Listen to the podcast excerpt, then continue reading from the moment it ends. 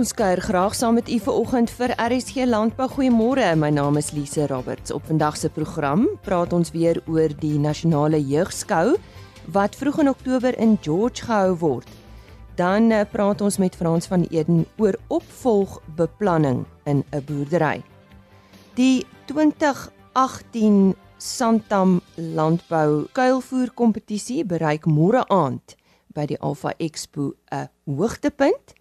Ons vind meer uit oor vanjaar se standaard. Dan vertel ons u van the Old Vine projek. Dit is 'n projek waar wingerde wat 35 jaar of ouer is spesiale eer ontvang en nuus vanaf Nampo Kaap. Die Old Mutual Insure Nasionale Jeugskou Kampioenskap word vanjaar deur Wes-Kaap Jeugskou in George aangebied. En Pierre Himan is een van die persone aan die stuur van die saak. Hy's die visievoorsitter van die Wes-Kaap Jeugskou. Nou Pierre, hoekom is daar op George as gasheer dorp van vanjaar se Jeugskou Kampioenskappe besluit? Weet jy die goeie fasiliteite uh om al die jeugskool afdelings en vir al die verskillende diere te akkommodeer. Dan is dit ook belangrik om die groot getal deelnemers, beoordelaars, borgers, spanbestuurders, afrigters en ouers behoorlik te huisves. Hoenop is 'n is George se netjies in 'n vriendelike dorp geleë in 'n pragtige omgewing met die skilderagtige Outeniqua berge as agtergrond. So dis hoekom ons keuse op hierdie dorp geval het, ehm um, spesifiek na na al die ehm um, voorleggings. So wat moet nou alles in plek wees vir 'n suksesvolle nasionale jeugskou kampioenskap? Ehm um, weet jy, Lise, die deelnemers en hulle diere moet natuurlik die beste behandeling ontvang. Daar moet uh, baie goeie beoordelaars aangewys word. Ehm um, wat was dit is baie belangrik. 'n Program opstel waarby streng gehou moet word. Flinke vertroulike punteverwerking is 'n baie belangrike faktor. En dan natuurlik moet ons borge wat die vir ons baie belangrik is met moet baie goeie blootstelling kry. Goed, nou ek verneem die Wes-Kaap is die verdedigende kampioene. Wat is jou verwagting van vanjaar se uitslaa, Peer? Ja, ek dink sonder om nou voorbarig te klink, eh, dink ek die Wes-Kaap span is baie goed voorberei en hulle is reg om weer met lauere weg te stap. Om jy af te sluit, jy dalk 'n boodskap vir al die deelnemers en uh mense wat graag vanjaar se kampioenskappe bywoon. Wat is die boodskap van julle kant af? Aan die deelnemers wil ek net sê oefen hard, neem deel om te wen, maar openbaar te alle tye 'n goeie sportman gees wat ook al die uitslag van die skou. En uh en volgende jaar kom jy weer met nuwe moed terug as dit nou nie so want want en daar is 'n les te leer altyd. En dan aan enige belangstellendes, ehm um, die datum ehm um, sal later bekend gemaak word. Dit is in die begin van die eerste week in in Oktober. Maar almal wat graag 'n wil kom maak net om te sien presies wat heerskap behels en hoe interessant dit kan wees en hoe leersaam dit kan wees en wat dit veral vir die kinders beteken. Dankie Lise. Miskien moet ons net vir ons luisteraars verduidelik waar in George gaan dit plaasvind, Peer? Dit vind plaas op uh, die George skougronde wat baie maklik is om om te vind. Ehm um, ons trek Sondag aand die 30 September bymekaar en dit begin op Maandag 1 Oktober tot Woensdag 3 Oktober uh, waarop die prysuitdeling plaasvind. Dit is die duur van die nasionale kampioenskappe. Pierre baie dankie dat jy met ons gesels het. Ons het daar gesels met die uh, visievoorsitter van die Wes-Kaap Jeugskou wat gesels het oor verjaar se nasionale kampioenskappe wat daar op George gehou word.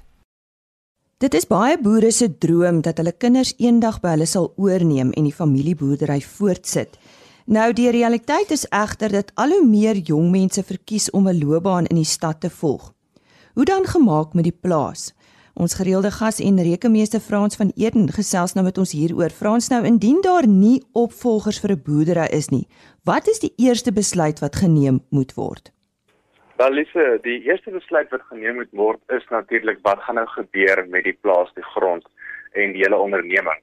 Ehm um, gaan ons die onderneming hou? Met ander woorde gaan ons dit in professionele bestuur sit en dan gaan die onderneming geld maak vir die familie daarna of gaan ons dit van die hand sit en verkoop? So dis die eerste besluit wat geneem moet word.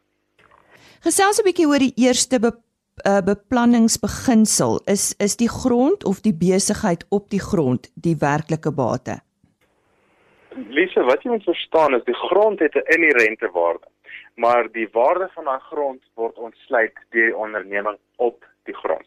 Ek kan byvoorbeeld gaan en 'n uh, hele stuk grond ontwikkel vir graanboerdery. Daarin gaan sy waarde dan wees in graanboerdery. As ek die plaas wil koop en ek wil wild daarop sit, dit gaan nie die optimale prys wees. Want ek sê kom ek gebruik dit nou as ek dit dan bietjie meer uitbrei. Ek het my graanboerdery en ek wil verkoop aan iemand wat 'n wildplaas daar wil gee of wil ontwikkel. Hy gaan vir my 'n baie laer prys gee vir my grond want hy gaan sê daar's niks daar wat hy wil hê op die grond. Daar's niks van wildplannings ook nie. Daar's nie wild op die grond nie. So daarom is dit belangrik om te verstaan dat die dat die onderneming is wat saam met die grond die waarde ontskep in hierdie hele ding. En dis waar jy nommer 1 ehm um, hulle praat van creating an asset of value. Dis die asset of value van dis iets wat jy kan gaan verkoop. As jy die onderneming van die grond af sou haal, dan het hy net weer 'n inherente waarde en die prys gaan baie laer wees. Nou hoekom is dit noodsaaklik om duidelike verwagtinge te stel vir die toekoms? Wel almal wat betrokke is daarbey jou jou arbeiders en ook jou familie moet weet wat gaan gebeur in die volgende paar jaar. Jy self moet ook weet wat gaan gebeur in die volgende jare sodat dit die hele plan wat nou vorentoe gaan lê gaan affekteer want as ek nie weet wat gaan doen nie, gaan ek nie korresponderend kan beplan wat in die toekoms moet gebeur nie. Jy verstaan. Wat behels opvolgbeplanningsmylpale? So dis jy die verskillende mylpale wat jy jy nou eerste besluit gemaak het van gaan ek my verkoop of gaan ek hou, dan gaan jy moet weet, okay, ehm um, hier is my plan vorentoe. En die plan gaan beteken ek moet weet of wanneer ek sekere take gaan oorgee aan mense, watter prosesse ek in plek gaan moet hê en ook wanneer is dit 'n finaal tyd vir my om terug te staan en of dit te gee vir 'n professionele bestuurder om te bestuur, so iemand wat ek nou opgelei het al die pad, of wanneer gaan ek nou iemand inkry wat die plaas vir my gaan koop. So wanneer stukkie plaas in die mark. En waarom moet hierdie doelwitte gestel word? Wel hierdie doelwitte moet gestel word sodat jy genoeg tyd het om mense op te lei wat nodig is om op te lei, die prosesse in plek te kry sodat jy die inherente waarde van jou grond kan ontsluit en ook genoeg tyd het om 'n verkoper te kry as jy wil verkoop wat regtig die regte prys gaan gee vir jou grond en onderneming wat jy wil hê. As daar haastige storie is en jy wil dit gou-gou verkoop, dan gaan jy nommer 1 mense gaan agterkom hoe vinnig verkoop. En dan gaan of die mense wegjaag wat wil koop en hulle gaan dink dit is fout of hulle gaan vir 'n baie lae prys aanbied. Iets wat jy nie wil aanvaar nie, maar omdat jy uit tyd uit gehardloop het, gaan jy dit moet aanvaar. Wat is die belangrikste risiko wat aangespreek moet word? Is nou goed en wel ons gesels oor wat gebeur eendag in hierdie ideale wêreld waar ons gaan aftree en ons gaan ehm um, dit of los vir ons kinders of ons gaan die onderneming vir iemand verkoop en hulle gaan aangenaam mee. Maar wat gaan gebeur met jou familie as jy môre te sterwe kom? Kom ons sê jy is in jou 30. Jy al 5 jaar op die plaas. Jy het die plaas oorgeneem by jou pa of jy die plaas verkoop met geld wat jy gemaak het terwyl jy in in ehm um, corporate was. Wat gaan jy nou doen? Wat gaan jou familie doen? Heel waarskynlik het jy 'n lewensversekering in plek, né? Nee? En die lewensversekering gaan beteken jy gaan die doel met lewensversekering oor algemeen is om skuld af te betaal. Maar wat gaan nou gebeur na dit? Nou gaan jou familie gaan, hulle gaan die skuld aflos. Jy het nou niks skuld nie, maar niemand weet om geld te maak op hierdie stuk grond nie.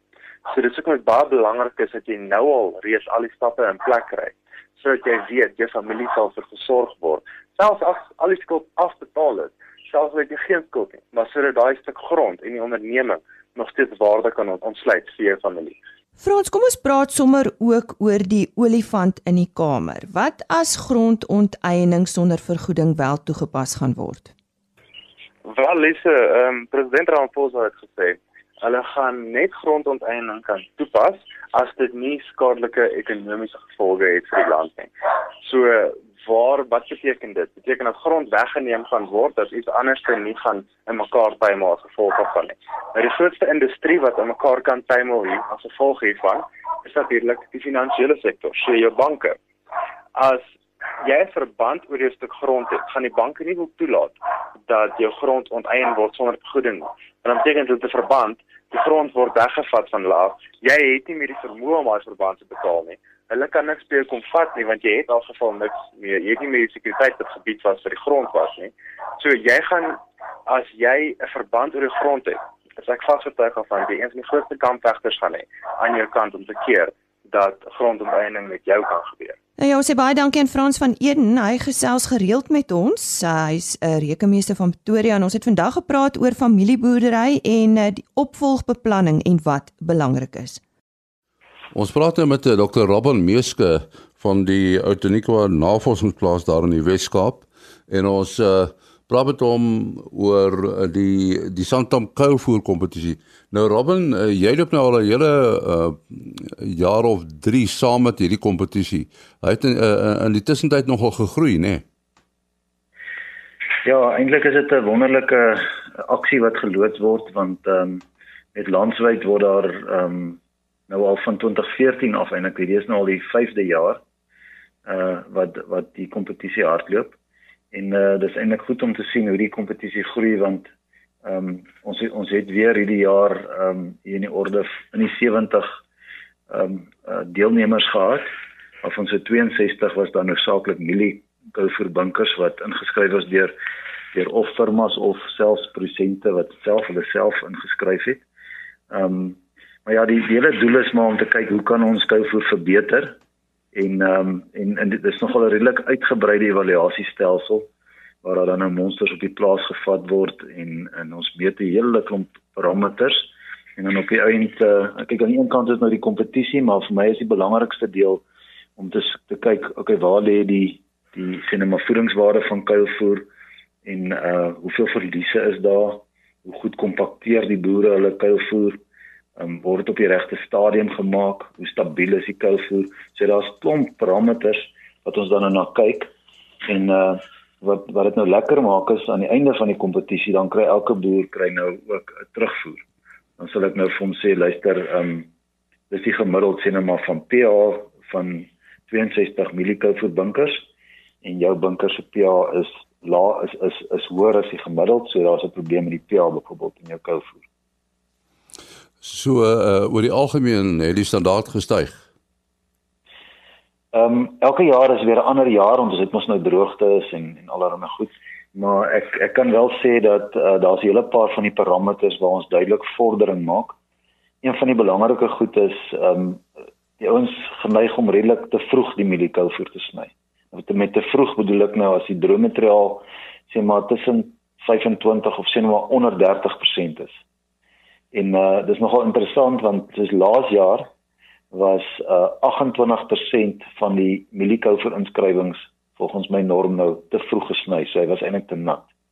En hierdie jaar is dit 14%. So dis dis 'n dis 'n baie beduidende stygings daar was so 34% van die inskrywings op mieliekoue was op die regte stadiums tussen 30 en 35% droommateriaal was die inhoud van die kousboer en hierdie jaar is dit 42%. So meer boere sny uh uh op op die regte stadium.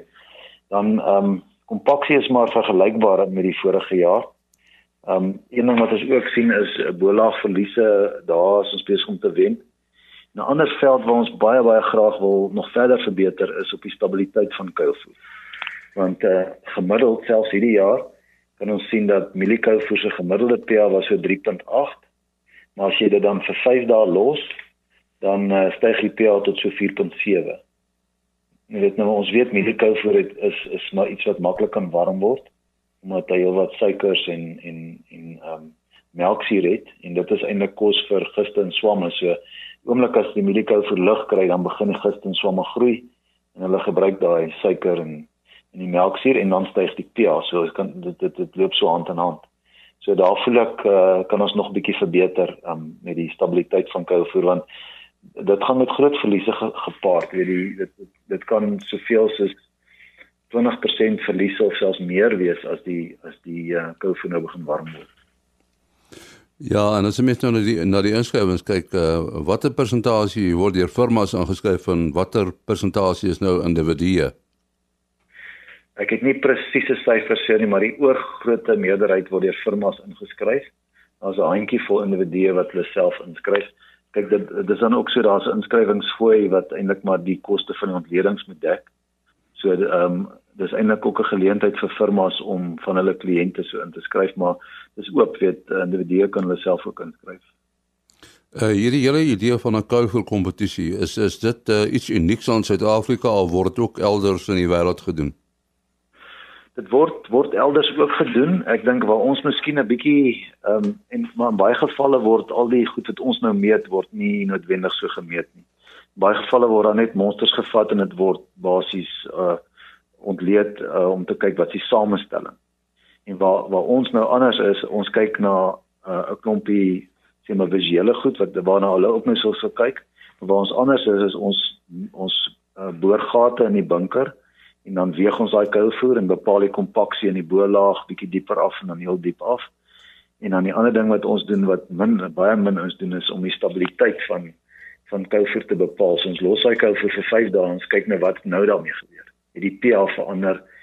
het die ehm um, asinhoud verhoog en dan daaruit kan ons uitwerk wat was die verliese. So ons kan 'n goeie indikasie gee van hoe stabiel is die koue en waar lê die verliese. So ek dink daai daai is unieke aspekte wat ons 'n bietjie bietjie um, nogal goed doen. En nou uh, hierdie uh, en as seker as 'n wetenskaplike oefening uh, word uh, die uitslae gepubliseer vir die wetenskapsbevolking uh, vir die, vir, vir elders in die wêreld. Ja, ons ek ek was nou uh, bevoorreg om by die Koufer Koufer Kongres in Bonn te wees nou in um, in in Julie maand. En daar het ek ook die resultate van die vorige 4 jaar op Mielikoufer voorgedra.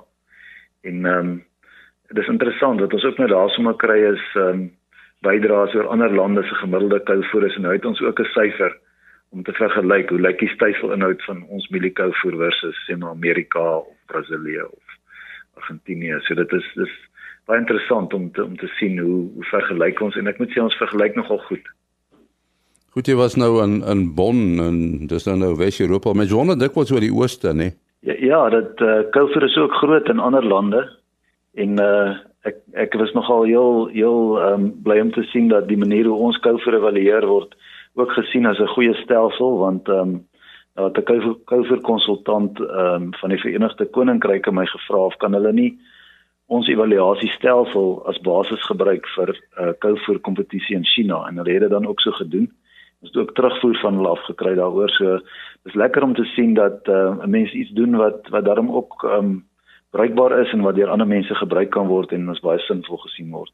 Daar's uit die uh Sontom uh, nasionale Koufer kompetisie wat uh, hier tydens Alfa teen einde loop. Dit was aan Dr. Robin Meeske wat uh, gesels het en wat eintlik uh, die hele paadjie van die Carrefour kompetisie saamgeloop het. Dankie Henny. Ja, die wenners word môre aand by Alfa 2018 aangekondig en dit is natuurlik by die Afridome daar in Parys. Ons gesels volgende nou oor die Old Vine Project. En ons gesels met die bemarkings- en kommunikasiekonsultant vir die Old Vine Project en sy naam is Andrei Morgenthal. Andrei, om mee te begin, wat is die Old Vine Project as jy dit net vir ons kan opsom? Die die bondige antwoord uh, rondom die Ou Vine projek is dat dit is bewaring van ons historiese erfenis terwyl van wingerdboukundige erfenisse. Wat is wat ons reg probeer regkry is om die ou wingerde te bewaar, maar ons kyk na jonger wingerde om hulle grond te hou om oud te raak. Die projek is um alomvattend en strek reg oor die industrie. Raak almal want dit gaan net oor oor die ou wingerde, dit gaan oor die nuwe aanplantings ook. En dit raak die mense wat wat die wingerde oppas ook. Um dis vir ons 'n baie belangrike element, die menslike element, die, die eienaars van die wingerde, die boere en die werkers in die land. Nou ek ek weet daar's 'n paar lede. Uh hoe word lidmaatskap verkry? Lidmaatskap uh is basies klein, medium en groot uh, uh volumes in terme van die produksie van die ouwingerswyne. Ons het ons is nou 2 jaar oud in Augustus maand en laas jaar teen die einde was ons so 10 lede sterk. Ons is nou oor die 40 al. Ehm um, daar's geweldige belangstelling om deel te word daarvan want dit skep 'n uh, 'n unieke bemarkingsplatform baie van hierdie ou wingerdswyne is klein volumes het weggeraak in in versnitte en nou is daar 'n geleentheid om 'n baie spesiale wyn weet bekend te stel vir die uh, vir die verbruiker met 'n mooi storie want al hierdie ou wingerd het stories wat dit baie baie interessant maak. Andre ek verneem hierdie uh, idee of hierdie projek is eie aan Suid-Afrika as ek reg? Ja, dis definitief um, uniek in Suid-Afrika. Uh, ons het in April maand het ons ehm um, die seël, die sertifiseringsseël ehm um, gelons wat basies beteken dat as die verbruiker die wyn koop en die seël is op daai bottel, dan ehm um, bevestig dit dat die wyn kom van wingerde wat 35 jaar en ouer is en ons het hom ons die standaard gestel by 35 na ons vir baie jare um, met baie mense reg oor die wêreld gepraat oor ou wingerde en dit klink vir ons asof 'n ja, ou 'n wingerd raak in balans hier van 35 tot 40 jaar ou ouderdom af. En ehm um, dis die eerste um, ou wingerd assosiasie wat geformaliseer is. Ehm um, meneer Rupert het vir ons ehm um, geld bewillig om dit in die gang te kry. Ehm um, hy en Rosa Kreer werk nou al jare lank aan aan die idee. Die feit dat ons met Sawes geskakel het wat industrie um, liggaam is is ook uniek. Nie, nie geen ander wynbedryf in die wêreld het iets so sawes waar ons kan waar ons kan kyk waar presies wanneer presies die wingerd geplant is nie. Nou ek verneem die uh, jy het nou nog gepraat van Rosa. Ehm um, sy is die breinkind, is ek reg? Wat vertel ons bietjie van haar? Ja, ek dit dit dit kom so oor dit sy werk al 16 jaar daaraan en sy sê ehm um, uh dis sy by Lomarin gewerk het met Rupert daar gesels. Hulle twee het albei gevoel dis 'n dis 'n belangrike element in 'n potensiaal. Hulle het baie baie klein begin 2 jaar gelede toe hy uiteindelik gesê het maar hy stel belang om die, om die, die loodsbefondsing te gee. En ehm um, Rosa het vir 16 jaar tot nou toe rondgery die wingerde op te spoor en bekend te stel aan uh belangstellende wynmakers. So die eerste span wat wat regtig belang gestel het om by te maak van hierdie ou verlore blokke is weet die Evensadi en ehm um, die Malinews Allied Maar ek meen die mense soos Mark Kent van Boekenskloof maak al vir jare lank sy ou blok Semio van 'n blok wat oor die 100 jaar oud is daan van ons ek net nooit dit oud wine genoem nie, maar nou skielik is soos ek vroeër gesê het, is daar 'n formalisering daarvan as 'n platform ehm um, vir hierdie. Vertel vir ons wat dit eintlik vir die lede beteken. Is dit soos ons in Engels sê plaas dit hulle nou weer bietjie op die map? Ja, dit is dit is 'n goeie vraag want daar's nie daar is 'n kommersiële um einddoel ook. Maar ons skep net die platform terme van bemarking en bewusmaking en ons kry die wyne voor mense wat uh joernaliste is byvoorbeeld of wat wynaankopers of sommeliers is. En ons skep ons skep die ons skep die storie en die kategorie maar was no, daar's nooit 'n amptelike kategorie gewees vir ou winswyne nie.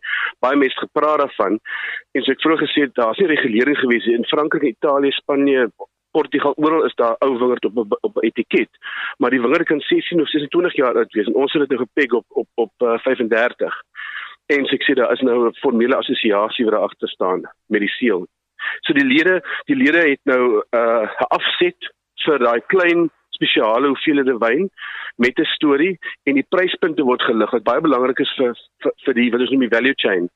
Ehm um, ons wil hê dat die boere beter betaal moet word want dit help almal dan. So die wyne is van so kwaliteit dat 'n mens 'n uh, premium kan kan kan vra daarvoor. So vir my as wynkoper of drinker op die ou end is dit maar iets wat ek het wat gesog is op my rak. Dis reg, dis uniek, dis baie van die wyne is onbekombaar. Ehm um, omdat die die produksie so laag is, ehm um, die die die tonne per hektaar, so die wyne kos met 300 400 na 1000 rand per bottel en daar word net 'n paar kies daarvan gemaak. En seker van die van ons lede se wyne verkoop al uit voor ehm um, met vrygestel word as gevolg van die van die van die, van die limit track record en so en en ek dink vir die die verbruiker het soos jy sê iets uniek dan om betaal so almal almal ry 'n Porsche, jy weet, maar hy het nie hy het nie 'n uh, uh, sorry te voetpad as hy keller nie. Dit dis 100 tande. Dis ons noem die ons noem die unicorn wyne. Ja, ja. Wat 'n reaksie het julle internasionaal gekry, Andrei? Baie goed. Ons het laas jaar um in samewerking met Wines South Africa wat vir ons 'n platform geskep het in Londen 'n groot uh, pro aangebied vir um ons het so meer as 70 wyne op die tafel gehad vir meer as 60 van die bemarkingslui en joernaliste en sommeliers van van van die van Londen en dit mense het goed gesê soos dis die een van die mees interessante proe in jare in terme van Suid-Afrika in Londen. So dit was baie baie goed ontvang en en ek staan by Cape Wine wat wat was 'n um bemarkingskou is die grootste wynskou in die suidelike halfrond en die grootste wynskou Suid-Afrikaanse wynskou in die wêreld. En um Old Wine Project het 'n stand hier so ook en ek het nou al 'n paar dae gespandeer saam met die journaliste wat hier is en uh, ons het Saterdag aand in Stellenbosch 'n groot proe aangebied vir vir die gaste van vyf verskillende lande. En terugvoering is is fantasties en om terug te kom van nou 'n vraag oor die ehm um, oor die lede. Jy weet daar's skielik almal aangepraat het van 'n naam wat ek vroeër genoem het, maar nou nou is daar skielik kan enige iemand kan soos jy genoem het, remap kom met 'n ouwingerswyn want daar is 'n platform. En dit is wat wat belangrik is vir die lede. Nou ja, ons sê baie dankie aan Andrei Morgenthal. Hy het ons vertel van die Old Vine Project en hy is bemarkings- en kommunikasie konsultant vir hierdie projek. Soos beloof, bring ons vir u heelwat nuus vanaf Nampo Kaap in die volgende paar dae. En uh, ja, tydens Nampo Kaap het Karen Venter ons medewerker met Janie de Villiers gesels. Ek is Janie de Villiers en ek is die uitvoerende hoofbestuurder van Graan Suid-Afrika. Ons is nou hier by Bredasdorp by die eerste Nampo Kaap. Nou hier was altyd 'n skou in die verlede gewees waar ons maar 'n uitstaller was en toe het hier nou bepaalde probleme gekom en uh ons het altyd sê ons wil graag terugkom hiernatoe want hier's 'n klomp van ons lede wat hierso in die omgewing boer jy weet die uh, koring en die gars en die in die canola manne is almal hier onder in die Kaap. En uh, nou ja, toe daar vir ons 'n geleentheid gekom om in 'n vennootskap te gaan met van die plaaslike mense hierso om net uh, weer te kom help met die skou en ek dink ons wou baie graag uh, die Nampo gevoel en die Nampo kultuur uh, saamgebring het van die uh, van die noorde af. En dit is nou maar so dat die die die skou het ook sy eie uniekhede, so dis nie dieselfde as as wat ons daar bo in Vrystaat doen nie. Ehm um, ek dink as mense net dink die vee komponente hier is baie groter. Ehm um, hier's blomme, uh, jy weet, uh, tipe van goede. Ehm um, en en ons wil graag ook dit vir die omgewing so uh, so naas moontlik bring aan aan aan dit wat hulle hier beleef, nê, nee, hulle besigheid en hulle boerdery en so aan. Ehm um, so ons is baie tevrede. Ons eerste 2 dae sover baie goed gegaan. Ek het net nou gehoor uh, dis eintlik baie ongewoon het, het van die terreinmense gesê hulle gaan dalk 'n draad of twee moet knip om die parkeerplekke groter te maak. Nou dis alles baie goeie nuus vir ons uh, dat die mense gekom het. Nou die weer bly maar uit, altyd 'n uitdaging in die in die in die Suid-Kaap, maar ek wil ons weet nou al hoe om daarmee ook uh, te hanteer. Nee, ek dink eerstens hoekom ons dit doen hè is om die boere te help om volhoubaar te bly. Um, en dat hy allerlei goed kan vergelyk uh, hoe lyk die nuwe tegnologie en al hierdie tipe goed sodat hulle opbrengste kan verbeter, hulle effektiwiteit op die plaas. Dan is dit natuurlik wonderlike netwerkgeleentheid wat ons met mekaar kan praat oor landbouoplossings kry um, in 'n omgewing wat jy weet die emosionele ehm um, barriers is nie so hoog nie nê nee, want die ouens is 'n bietjie 'n gemakliker omgewing wanneer hulle met mekaar praat. Ek dink selfs die debatte wat nasie en gesprekke doen help ons met waar landbou nou trek en waar ons op pad is. So hierdie is als vir ons regtig uh, baie positiewe goed en dan natuurlik op die einde van die dag bou ons die beeld van landbou. Mense kan kom kyk hoe lyk landbou, hoe word jou kos gemaak? Jy weet hoe vat 'n mens grond en jy verander dit in kos want ek bedoel dis maar een ding wat ons nou in die gronddebat agterkom partykeer is mense nie so uh, bewus van dat dit eintlik 'n klomp werk vat en 'n klomp kundigheid en 'n klomp tegnologie wat jy met saamgooi om op die einde kos te maak. So, ehm um, oor die algemeen vir ons baie lekker hier, ehm um, baie dit gaan op die oomblik baie goed. Ons is uh, opgewonde uh, oor oor die toekoms vorentoe. Ja, en as jy wil meer weet, nee, kan jy ons na ons Gran SA se se webwerf toe gaan, uh grainsa.co.za en daar's ook natuurlik 'n Nampo ene uh, wat hierdie tipe van goed sal inwys vir ouens wat dalk volgende jaar wil kom uitstal wat dit nou uitgemis het. Uh, maar, uh ons sal waarskynlik wil probeer eers beter gaan voor ons groter gaan, maar dit hang nou maar af hoe lyk die vraag vorentoe, maar die mense is baie welkom om ons te kontak. Baie dankie die hoofuitvoerende bestuurder van Graan Suid-Afrika, Jannie de Villiers, wat daar gepraat het oor die eerste Nampo Kaap en dit klink asof daar nog vele meer gaan wees. Dit is dan al vir vandag. Onthou môreoggend weer by ons aan te sluit. Dan gesels ons onder andere, baie interessant, oor die bokvleisbedryf en ons praat hier van boerbokke onder andere. So onthou om môreoggend daarvoor in te skakel. Tot môre dan. Totsiens. RSG Landbou is 'n produksie van Plaas Media. Produksieregisseur Henny Maas. Aanbieding Lisa Roberts. En inhoudskoördineerder Jolandi Root.